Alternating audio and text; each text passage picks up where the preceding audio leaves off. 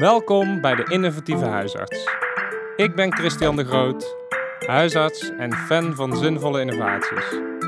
Want ik ben ervan overtuigd dat de beste zorg nog niet bestaat. Nog niet. Vandaag bezoek ik Erik Martin. Hij is huisarts in Eindhoven en gebruikt al jaren echografie. Voor hem niet meer weg te denken uit de praktijk. Ik vroeg hem waarom echografie een zinvolle toevoeging is in de eerste lijn. Wat het hem in de praktijk oplevert en natuurlijk wat zijn patiënten hiervan vinden. Erik, we zitten hier in jouw spreekkamer. We hebben net naar jouw uh, echoapparaat uh, gekeken. En uh, een apparaat wat er al een tijdje staat, maar waar je nog steeds met passie over praat. Ik wil vandaag beginnen met twee stellingen. En je mag alleen ja of nee zeggen op die stellingen. En daar komen we later dan nog wel eventjes uh, op terug. Um, ergografie wordt te weinig door huisartsen zelf gedaan. Ja of nee? Allereerst natuurlijk dankjewel uh, Christian dat je um, mij hebt uitgekozen om iets te mogen vertellen over uh, ergografie in de huisartspraktijk.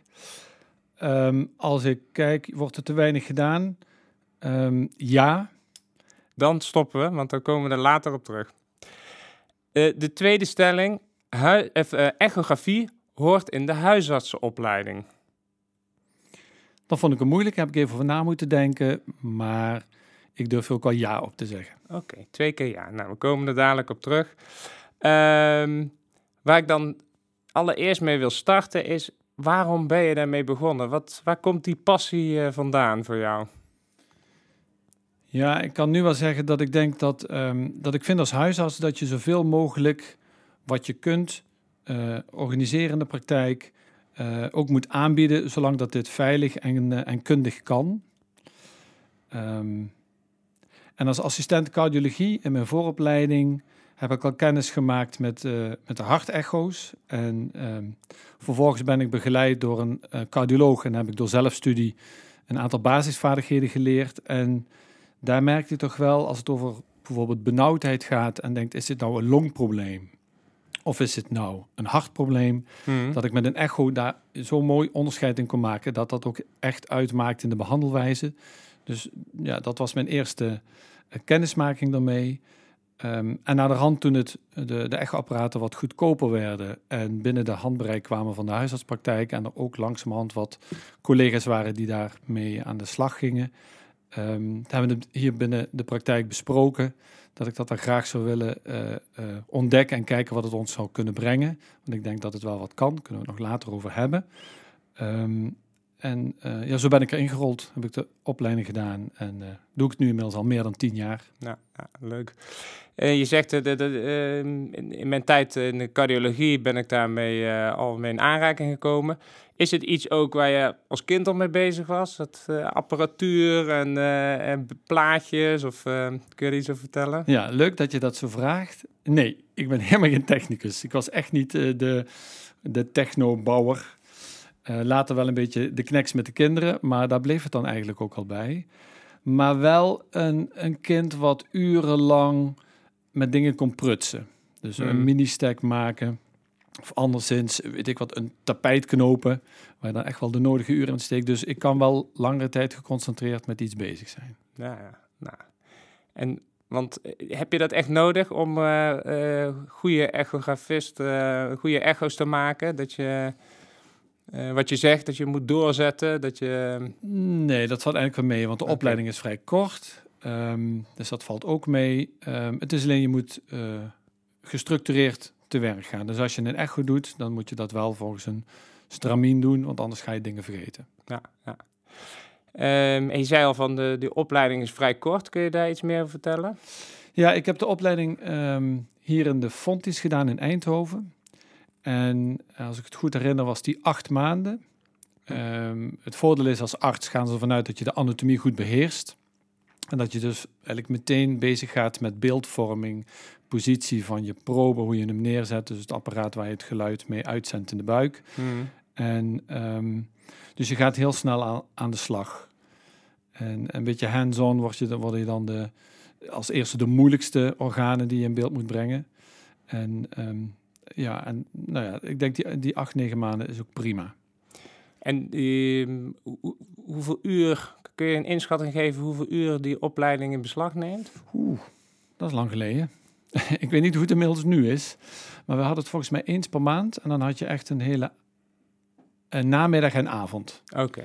Ja. ja. Dus ik denk wel een uur of vijf, vier, vijf had je dan wel. En dan eh, eens per maand. En dan eh, behoor je zelf als een apparaat te hebben of beslis je dat eh, later of je, ze, of je dat Ja. gaat aanschaffen? Nee, dat hoeft in principe niet. En zoals ik het heb gehad, kreeg je tijdens de opleiding kwamen er aanbieders. En er zijn genoeg aanbieders van apparatuur. Die eh, lieten dan hun, eh, hun, hun, hun waar zien. En ehm, nou, dan kon je een beetje kijken. Sommigen hadden al een oog op iets of was het al in de praktijk. En was er al een collega die deed, dus was het wat makkelijker voor hun. Maar je wil wel vrij snel aan de slag. Want ik merkte wel, toen ik de opleiding aan het doen was, dat je ook denkt, ik wil het dan meteen uitproberen in de praktijk. Want anders, ja, dan krijg je de routine niet. Dus je wil Mm. al vrij snel beginnen. Ja. En zeker als je dingen hebt geleerd, dan denk je, wow, als ik dat nou ook straks alleen kan, dus dan moet ik wel even uitproberen. Dus ik was al vrij snel, denk na twee, drie maanden, dat je dan toch wel echt graag een apparaat wil. Ja. Ja, ja. Ehm,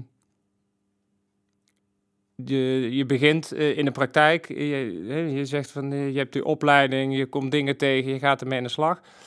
Ehm, hoe vaak is dat? Hoe vaak kom je patiënten tegen die, waarmee Echo jou eh, extra kunnen helpen? Ja, kijk, als ik praat voor de hele praktijk, we hebben het zo ingericht ehm, dat de hele praktijk patiënten waar ze een echo geïndiceerd vinden, bij mij kunnen aanmelden. Dan gaat dat via de assistenten. Ehm, en toen ik nog fulltime in de praktijk werkte, ja, had ik toch wel vier, vijf echo's per week. Dus ik haalde Mhm. wel tussen de 230 tot 250 echo's per jaar. Zo, ja. Nu inmiddels is er wat minder. Ik werk nu nog 2,5 dag in de praktijk. En dan hou ik op de twee, fulltime, of de twee volle dagen dat ik werk, dan zijn er twee echoplekken die kunnen worden ingevuld. En worden die niet ingevuld, dan komt daar gewoon een, een gewoon consult. Oké, dus consult. in jouw agenda staan plekjes gereserveerd voor mensen waarbij er a- aan de voorkant bij de triage al duidelijk is van nou die hebben een echo nodig. Of hoe, hoe gaat dat in zijn werk? Ja, ehm, je kunt mensen hebben die gescreend worden. Ehm, als je het hebt over eh, eh, mensen die een aneurysma hebben en dus weten dat ze dat na een jaar, na twee jaar ehm, eh, weer moeten laten controleren, ja, dan bellen ze de assistenten op en die weet dat dan en dan wordt het gepland. Mm. Hetzelfde geldt voor ovarium, carcinomen in de, in de familie en mensen die dat graag eh, eh, gecontroleerd willen hebben, dat, dat dat dan gewoon door de assistenten gebeurt, die trieert dat. De rest gaat eigenlijk allemaal wel op medische indicatie en gaat via de eh, collega's. Ja, Ja. ja. En een collega komt dan eh, iets tegen, mm, ik zeg maar even een schouderklacht. En eh, hoe werkt dat dan? Nou, we hebben ehm, ehm, gedelegeerde taken, dus een, zo'n zo'n een takenbriefje. En, en daar kunnen ze het aangeven of het een, eh, een echo is en dan een echo van de buik of een gynaecologische echo. En want daar horen ook instructies bij. Kijk, als je een schouderecho hebt, dan eh, is daar geen verdere eh, voorbereiding voor. Ook voor een echo van de nieren niet, alhoewel ik nooit aparte nieren doe, maar altijd de bovenbuik meekijk. Maar ehm wil je een aorta kon goed beoordelen, ja, dan moeten mensen echt nuchter zijn. Dus die twee plekken die ik na elkaar heb, zijn ook altijd vroeg in de ochtend. Of vroeger oké. in de ochtend. Ja. En het hele centrum, alle huisartsen, eh, want hoeveel huisartsen werken hier eh, in het centrum? Eh, we hebben er vijf en dan, nee, inmiddels zes denk ik. En ehm eh, één of twee huisartsenopleiding. Oké. En zij zijn allemaal op de hoogte van de ehm, indicaties. Ja. En dat, dat is iets wat hier gewoon ehm, een proces is wat al bekend is en wat, wat goed loopt. Ehm, ik heb even zitten kijken. In, in Eindhoven zijn geloof ik maar acht huisartsen geregistreerd voor het maken van echo's. Heb je ooit wel eens gedacht van nou, ik kan ook wel van andere praktijken ehm, mensen zien? Ja, eh, daar hebben we het zeker in het begin over gehad. Ehm, en zelfs nog met verloskundigen erover gehad. Want ik ben ook wel opgeleid om de eerste trimester eh, echo's te maken. Nou, dan krijg je een beetje een landenstrijd van wie doet nu wat. Nou, daar heb ik gezegd van dat is echt voor jullie. Ik doe het alleen op indicatie als mensen een dreigende miskraam hebben of vloeien. En ik denk het heeft het consequenties. Maar dat doe ik niet meer zoveel. Dat is echt maar eh, incidenteel. Ehm, we hebben het met het andere centrum er wel over gehad. Kijk, hier binnen onze praktijk ehm, kan ik in alle patiëntendossiers, dus dan is het heel makkelijk. Hmm. Op het moment dat je een andere praktijk hebt, moet je eigenlijk die patiënten als een eh, waarneming zien. Dus moet je al die mensen inschrijven. Ehm, ja, dat vind ik wat bezwaarlijk. Hm. Eh, en op een gegeven moment hebben we ervoor gekozen om dat niet te doen. Oké, ja. En ik denk het aanbod met een praktijk van, eh, van tussen 7.500 en 8.000 patiënten is denk ik prima. Dat ik dat ook een beetje kan behappen. Mm, Maar als je dus een kleinere praktijk hebt, stel je hebt 3.000, 4.000 patiënten in een dure praktijk, is het dan nog eh, wel zinvol om het alleen voor je eigen praktijk te doen? Of zeg je van nou, je hebt ook wel wat meer mensen nodig om voldoende echo's, eh, voldoende ervaring op te, op te Ja. doen? Nou, kijk, voor de ervaring valt het, valt het wel mee. Dan moet je volgens mij voor je aantekening 200 echo's in vier jaar doen. Dus dat zijn er maar 50 per jaar. Hm, dus dat ah, valt heel erg mee. Ehm, wat wel meespeelt, laten we eerlijk wezen, is wel of het hoeft niet, niet zozeer lucratief te zijn, maar eh, elke hobby kost, eh, kost natuurlijk vaak geld. Maar Mm. als je met maten te maken hebt, dan, eh, ja, dan moet je wel even goed uitleggen en een rekensommetje maken van wat kost het en wat, wat levert het op. Naast het feit dat, het, dat je natuurlijk service biedt en een aantal ook wel positieve dingen hebt en dat het je echt helpt in de diagnosestelling en, en keuzes die je maakt in het beleid. Maar ja, de eerste stap is echt wel kijken, oké, wordt het gedragen door een praktijk als je maten hebt en, en, en ja, dan moet je het rekensommetje ook al even maken. ja, Ja. ja, ja. En die hebben jullie gemaakt hier en dat was eh, hier in ieder geval eh, positief. Ja. Heb je collega's meegekregen? Ja, absoluut. Mooi. Ehm, wat ik me nou afvraag, hè, want eh, er zijn... ehm, eh, ja, echografie bestaat natuurlijk al lang en, en, en, we hebben een paar indicaties eh, gehad. Daar wil ik daar nog wel even iets meer over weten. Wat is nou echt nieuw? Wat heb je nou de laatste jaren... wat zijn nou echt innovaties in de ech- echografie? Nou, kijk, eh, het feit ehm, dat huisartsen in de eerste lijn echo's zijn gaan maken, betekent dat het binnen jouw domein komt en dat je dus wat dat betreft een combinatie krijgt van een, een deskundige arts in de eerste lijn die ook die echo's maakt. En daarmee denk ik dat die combinatie sterker is Mhm. dan dat als je een patiënt eerst naar de radioloog verwijst voor een echo of radiologisch laborant en dan terugkomt en dan samen met die patiënt bespreekt. Ehm, vaak heb ik de patiënt zelf gezien, ik stel de indicatie en ga dan met de patiënt samen kijken met de echo en kan eigenlijk hands-on ook dingen uitleggen. Soms als het gynaecologisch is van kijk ik duw hier, dus uw eierstok en dat doet zeer, Mhm. voelt. Dus, dus in de duiding en de uitleg vind ik dat vele malen sterker. Hmm. Ik heb ook samen eh, eh, een keer met de radioloog meegekeken en, en dat ik erbij zat en dat ik dus meteen ook een stukje medische, eh, de medische kant en de uitleg erbij kon geven. Dat vond de radioloog zelfs nog heel ehm, eh, eh, verhelderend en Ja, mooi ja, dat dat die combinatie kon. Ehm, daarnaast denk ik dat naarmate je bekwamer wordt en meer eh, zaken kunt, kunt onderzoeken, eh, bijvoorbeeld een diepveneuze veneuze trombose, Hmm, hmm. dan, eh, ja, dan wordt het ook echt wel heel makkelijker dat je veel sneller dingen kunt doen. Voorheen moest je eerst ehm, de... ehm, Dedimer prikken. de of, dedimer eh, prik of de indicatie daarvan is het een dedimer of een echo. En dan moet je de echo aanvragen, moest het nog op diezelfde dag. Ja, dat, dat, dan denkt die dedimer prima, ik doe gewoon de tweepuntsmeting en weet ik het meteen. Ja, ja. En dat is echt zo, dat is, dat is minutenwerk. Hm. Dus dat kun je eigenlijk op het moment, als het zo is, kun je dat doen. Als de collega zegt, goh, ik heb iemand, eh eens even kijken, een verdenking eh, trombosebeen. Ja, dan kan ik eigenlijk dat gewoon meteen regelen. Kan dat gewoon tussendoor. Dat is, Ah, dat is heel fijn. Heel mooi. Ehm, ik denk wat, wat ook wel nieuw is, wat, wat dan voor de huisartsen geldt, is dat ehm, de echoapparaten worden steeds kleiner. Ze zijn eigenlijk alle bijna op zakformaat. Dus je Mhm. hebt de telefoons waar het op kan, je hebt eh, tablets waar het op kan. Ehm, je ziet het in de eerste hulp ook gebruikt worden, hè, dat je die, eh, die point-of-care echografieën doet. Ehm, en onlangs heb ik met de radioloog gekeken van eh, het inbellen. Dus ik, eh, ik heb een, een echoapparaat wat aan het netwerk zit Hmm. een tabletvorm. Ehm, ik bel in bij de radioloog. We hebben het zo gepland van, goh, ik heb nu een echo-patiënt waar ik graag wil hebben dat je meekijkt. En dat hij dus op afstand kan meekijken met de beelden die je maakt. En, ehm, en zelfs nog kan kijken dat er een tweede kamer in zit van hoe ik, ehm, eh, hoe, hoe ik het beeld maak. Dus hoe mijn positie is van de probe ten opzichte van de patiënt. ja, ja, wauw. Ja, en dat is wel heel mooi. Want dat geeft je eigenlijk eh, qua, qua kwaliteit denk ik een ontzettende kwaliteitsboost. Als je zo hands-on ook nog eh, ehm, informatie terugkrijgt. Krijgt. En als je gewoon een moeilijke casus hebt van de patiënt, denk ik van ja, ik zie iets, maar wat is dat nou? En dat kan ook wel drie keer niks zijn, of misschien is het wel wat. Mhm, mhm. Ja, dan is het gewoon heel mooi dat er een radioloog over de schouder meekijkt bij het beeld live. En als hij zegt, ja, kun je er even doorheen eh, scrollen dan, of, of eh, lopen, dan kun je, ja, dan is het in ieder geval een 3D-beeld Ja, in plaats ja, van de ja. plaatjes. En eh, ja, dat vind ik wel echt eh, een, een noviteit en eh, hoe je ehm, ook interprofessioneel met elkaar omgaat. Ja. En die bereidheid van radiologen om met huisartsen samen te werken, die heb jij dus gevonden. Ja, was wel een moeizame weg eh, van hoe ga je dat nou doen. Ehm, ehm, ik heb wel geprobeerd in het begin. Nou, laat ik zeggen, ik, ik heb op een gegeven moment een toetsgroep eh, eh, in het leven geroepen waar we Mhm. inmiddels met 17 huisartsen zitten. Vanuit de regio Eindhoven en ook al daarbuiten. Ehm, om de kwaliteit eh, eh, eh, te verbeteren en elkaar ook scherp te houden en, en te ontwikkelen. Ehm, toen ben ik op zoek gegaan naar een radioloog. Ja, als je dan in de ziekenhuizen komt, ja, die snappen er niks van dat wij dat wij moeten dat niet doen als huisartsen. Mm, Want eh, dat, eh, nee, we kunnen het niet en we snappen het niet en het is veel te moeilijk. Oké, heb ik al wat, eh, wat discussies over gehad. Maar goed, dat ligt alweer ver achter ons. Ja. Maar het mooie is, is dat we radiologen hebben in het huisartsenlaboratorium van de DVU. Mhm. En, ehm, en die zijn heel erg eerst line minded. En Ja. die deden heel, ja, die vonden het eigenlijk wel mooi om eigenlijk zo'n pilot te beginnen. Ja, en dat is tot de dag van vandaag bestaat dat nog. Ja, Ja, mooi. Ja. DVU, het eh, diagnostisch eh, centrum eh, voor eerste lijnsdiagnostiek hier in de regio.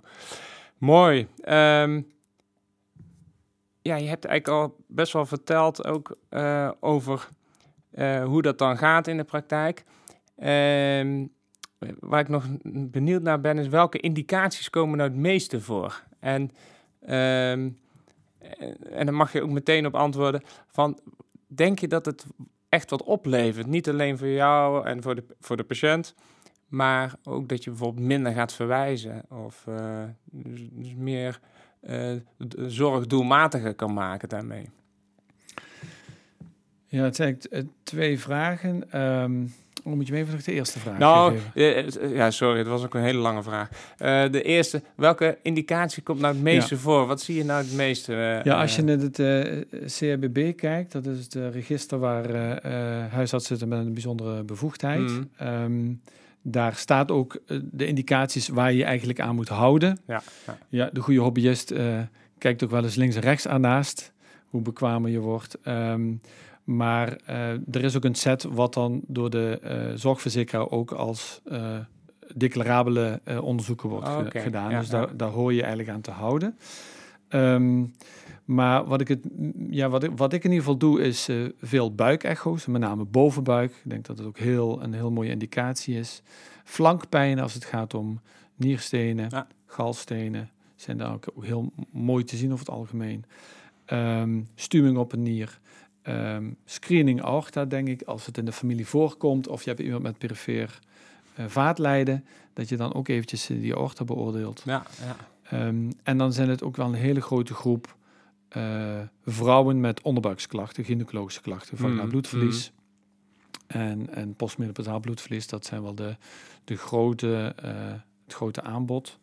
Ik vind dat met de, ehm, de drie mogelijkheden die je hebt. Ik heb een, een, een, een probe waar je de buik mee beoordeelt. Ik heb een probe waar je gynaecologisch onderzoek bij kunt doen. En ik heb een probe waarbij je ehm, ook het spieren en, eh, en de wekendelen kunt beoordelen. Ah, ja, ja. En van die, van die drie opties die er zijn, wordt eigenlijk wel de gynaecologische probe het meest gebruikt. Ja. Ik denk zeker wel de helft. En af en toe eh, ehm, kijk ik naar een gewricht, dan doe ik MSU en dat is vooral de schouder. Mijn andere gewricht vind ik echt te lastig, dus de schouder vind ik nu, voel ik me enigszins bekwaam om dat te beoordelen. En MSU zei je? Dat is dat is- Musculoskelettaire Ja, ja. ultrasound, Ja, ja. dus ehm, eigenlijk eh, de, de spier- en gewrichtenbanden. Oké. En die schouders, dat zijn toch een, eh, ik denk als huisarts eh, zie je die frequent, hè? De,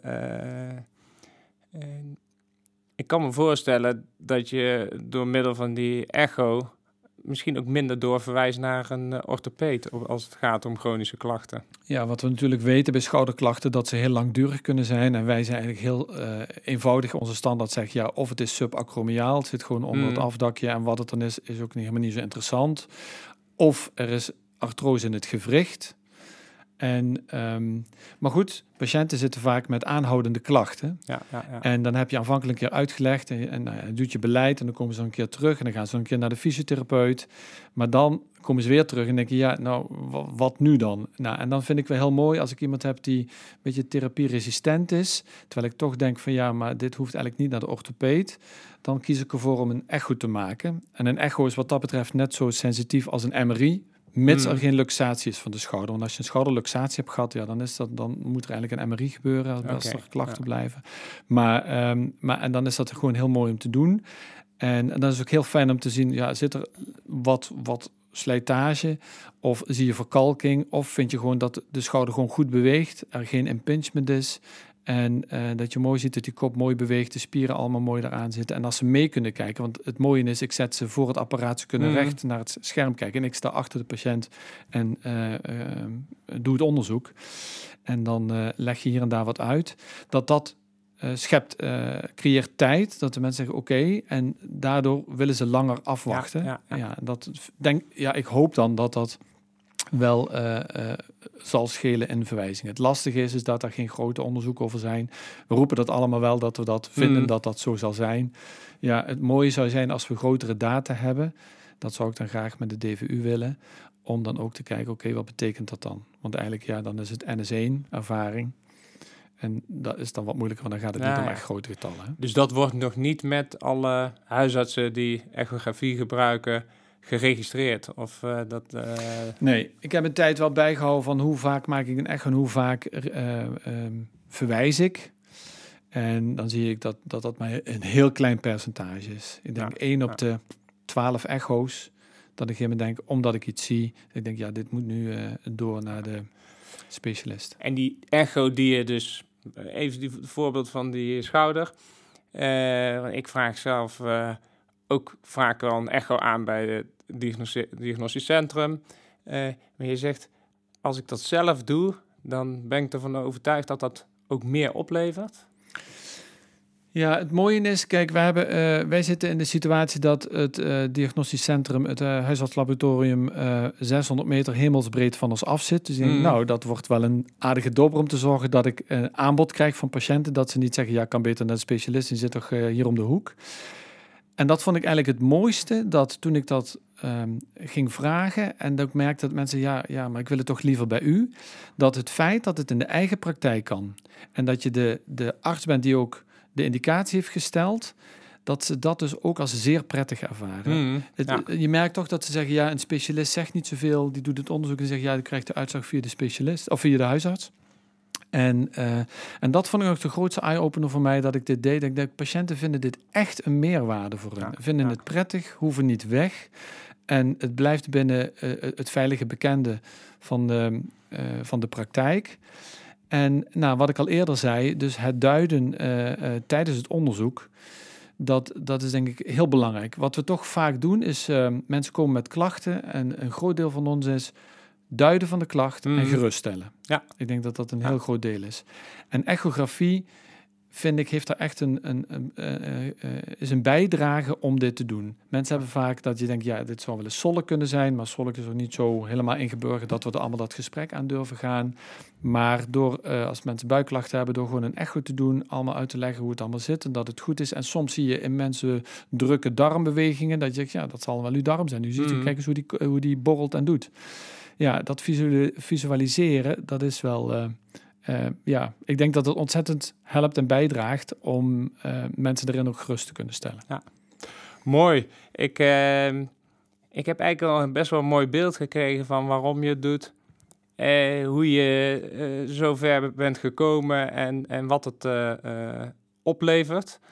Ehm, eh, ik wil eventjes terugkomen naar de stellingen, want die begin ik nu ook jouw antwoorden beter te begrijpen. Want de eerste stelling was echografie wordt te weinig door huisartsen zelf gedaan. Nou, wat ik uit jouw verhaal begrijp is dat echt een toegevoegde waarde is. En echografie hoort in de huisartsenopleiding. Daar twijfelde je nog even over, maar daar zei je ook ja op. Ehm, denk je dat alle huisartsen ehm, over tien jaar eh, een echo-apparaat in de spreekkamer heeft staan? Of elke centrum? Wat, hoe denk je dat de toekomst eruit ziet? Ja, nou, ik kan me... nou, nee, ik denk niet dat elk huisarts dat heeft. Ehm, je moet er ook iets mee hebben. Er zijn er ook bij die zeggen, ja, weet je, daar hebben we laboratoria voor, daar is een ziekenhuis voor. Hmm. Ehm, ik maak mijn keuze, ik, ik heb het druk genoeg. dus je moet er wel iets mee hebben. Um, maar eh, ik denk binnen centra en binnen taakdifferentiatie dat dat zeker zou kunnen. Dat ik denk in de grotere centra of meermanspraktijken dat er één iemand zal zijn of misschien wel twee mensen die, die de vaardigheden zullen doen. Net zo goed als we kaderhuisartsen hebben en kaderhuisartsen urogynecologie. ik vind eigenlijk wel dat je geen kaderhuisarts urogynecologie kunt zijn zonder een echoapparaat. Ja, dan, dan, dan is het bijna kat en bakje verhaal. Ehm, maar wat ik vooral denk is dat huisartsen toch nog wel de kracht van de combinatie huisarts uh, en uh, dus een huisarts die het onderzoek doet en wat ik dan eerder heb gezegd en waar ik een bijna een pleidooi voor heb gehouden, um, dat dat nog wordt onderschat. Ja, Die, die, uh, nou. En um, als je het hebt over de opleiding, ja, ik denk dat er inmiddels wel zoveel huisartsen zijn die met echografie bezig zijn. Als een van de uitbreidingen die we doen als een, een, een uitgebreid aanbod als, als huisarts in de praktijk. Um, je hebt ook huisartsen die uh, uitgebreid chirurgie doen, hè, de vasectomieën of triggervingers. Mm. Uh, mensen die GGZ doen, uh, cognitieve gedragstherapie, spleetlabonderzoek. Ja, en dus ook echografie. Dat ik het wel tijd vind dat ergens in zo'n tweede fase van de opleiding, in het derde jaar, dat je dat gewoon ook wel eens een keer Ehm, de AIOS mail mag laten kennismaken van goh En, en hoe dat dan is en hoe zo'n uh, zo'n gedreven arts daarmee, uh, huisarts mee, mee omgaat en welke plek het heeft in de praktijk, om ook al een beetje te kunnen nadenken van ja, oh ja, dat ga ik niet doen. Of nou ja, dit, misschien wel. Ja, ik heb zelfs als een AIOS hier bij mij in de praktijk zit, dan laat ik ze ook even, ja, nou, klooien klinkt een beetje negatief, maar wel ga maar zitten, zet de probe maar en ik, ik, ik zit, sta ernaast. Ja, ja, En ja, en ja, je merkt meteen of iemand zegt nee, dat vind ik niks. Of een ander die, die, die gaat oh, eens kijken wat hij allemaal kan. En dan zie je dat, ja, het is net alsof je iemand op een klein fietsje hupt, uh, duwt, uh, hulpwieltjes zijn eraf en hup, daar gaan ze. Dus dat is wel heel leuk om te zien. Ja. Dus uh, het ermee kennis laten maken tijdens de opleiding, dat is, je zeg, zeg je van ja, en of je in de praktijk je echt verder daarin wil gaan ontwikkelen, dat, uh, dat hoeft niet alle huisartsen. Daar is misschien ook te weinig aanbod voor in een huisartspraktijk. Maar als je per praktijk uh, iemand hebt, is het natuurlijk al, uh, het heeft wel voordelen voor zowel de huisarts als de patiënt, heb ik begrepen. Dus die acht huisartsen die ik nu in dat register zie staan, dan moet dus wel even wat op, opgekrikt Ja, dat zou mogen. Elk jaar komen er wel een paar bij. En uh, het heeft lang geduurd dat we de 10 hadden. Nou zitten we wel op 17. Dus elk jaar is natuurlijk, er komt er een lichting hier van de Fonties. Uh, en die zitten toch wel meestal in de regio. Mm. En uh, de Fonties weet van ons bestaan. Dus we hebben ook al gezegd van ja, we velen ons warm aan. Want iedereen die pas natuurlijk die opleiding heeft gehad van acht, negen maanden, ja, dan is het toch een beetje in de diepe stappen. En, um, en het is heel fijn als je een, een, eh, een eh, organisatie hebt of een, in ieder geval een netwerk waar je gebruik van kunt maken en dat je je ook uh, vervolgens zelf kunt ontwikkelen. Als je het hebt, we hebben het nog niet gehad over het stukje um, van wat, wat levert je het op. We hebben het wel gehad over hoe fijn het is voor de patiënt. Nou, ik denk wel dat bij een aantal aandoeningen um, je sneller kunt handelen. We hadden het al over het diepveneuze trombose en die twee puntsmeting. Ik denk dat je gerichter kunt verwijzen. Dat dat ook nog echt aan oh de orde is. Um, en, ja, en ik hoop uh, dat ik ooit uh, met onderzoek, of in ieder geval met grotere getallen, als we de. Ja, iedereen heeft nu het standalone apparaten, maar als je de data allemaal bij elkaar zou kunnen zetten, dat je daar iets meer zou kunnen, ja, wetenschappelijk zou kunnen aantonen van wat het effect is in de huisartspraktijk. En daarmee ook misschien wel de zorgverzekeraar wat meer coulanter laat zijn in, in, um, in het ondersteunen en stimuleren van deze ontwikkeling. Nou, nou, ik, uh, ik heb me net voorgenomen om dan nog een keertje terug te komen. Want uh, volgens mij kunnen we uh, nog wel een tijdje hierover doorbabbelen. Ik ben geïnspireerd geraakt. Um, ik vond het een inspirerend gesprek, Erik. Um, mijn laatste vraag is altijd: wat wil jij nog de luisteraar meegeven? Ja, goh.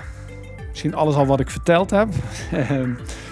Ehm, ik vond het leuk om te doen. Ja, je merkt gaandeweg als ik dan praat, ik heb het zelf niet, niet zo in de gaten, maar, maar ja, dan merk je wel dat er enthousiasme komt.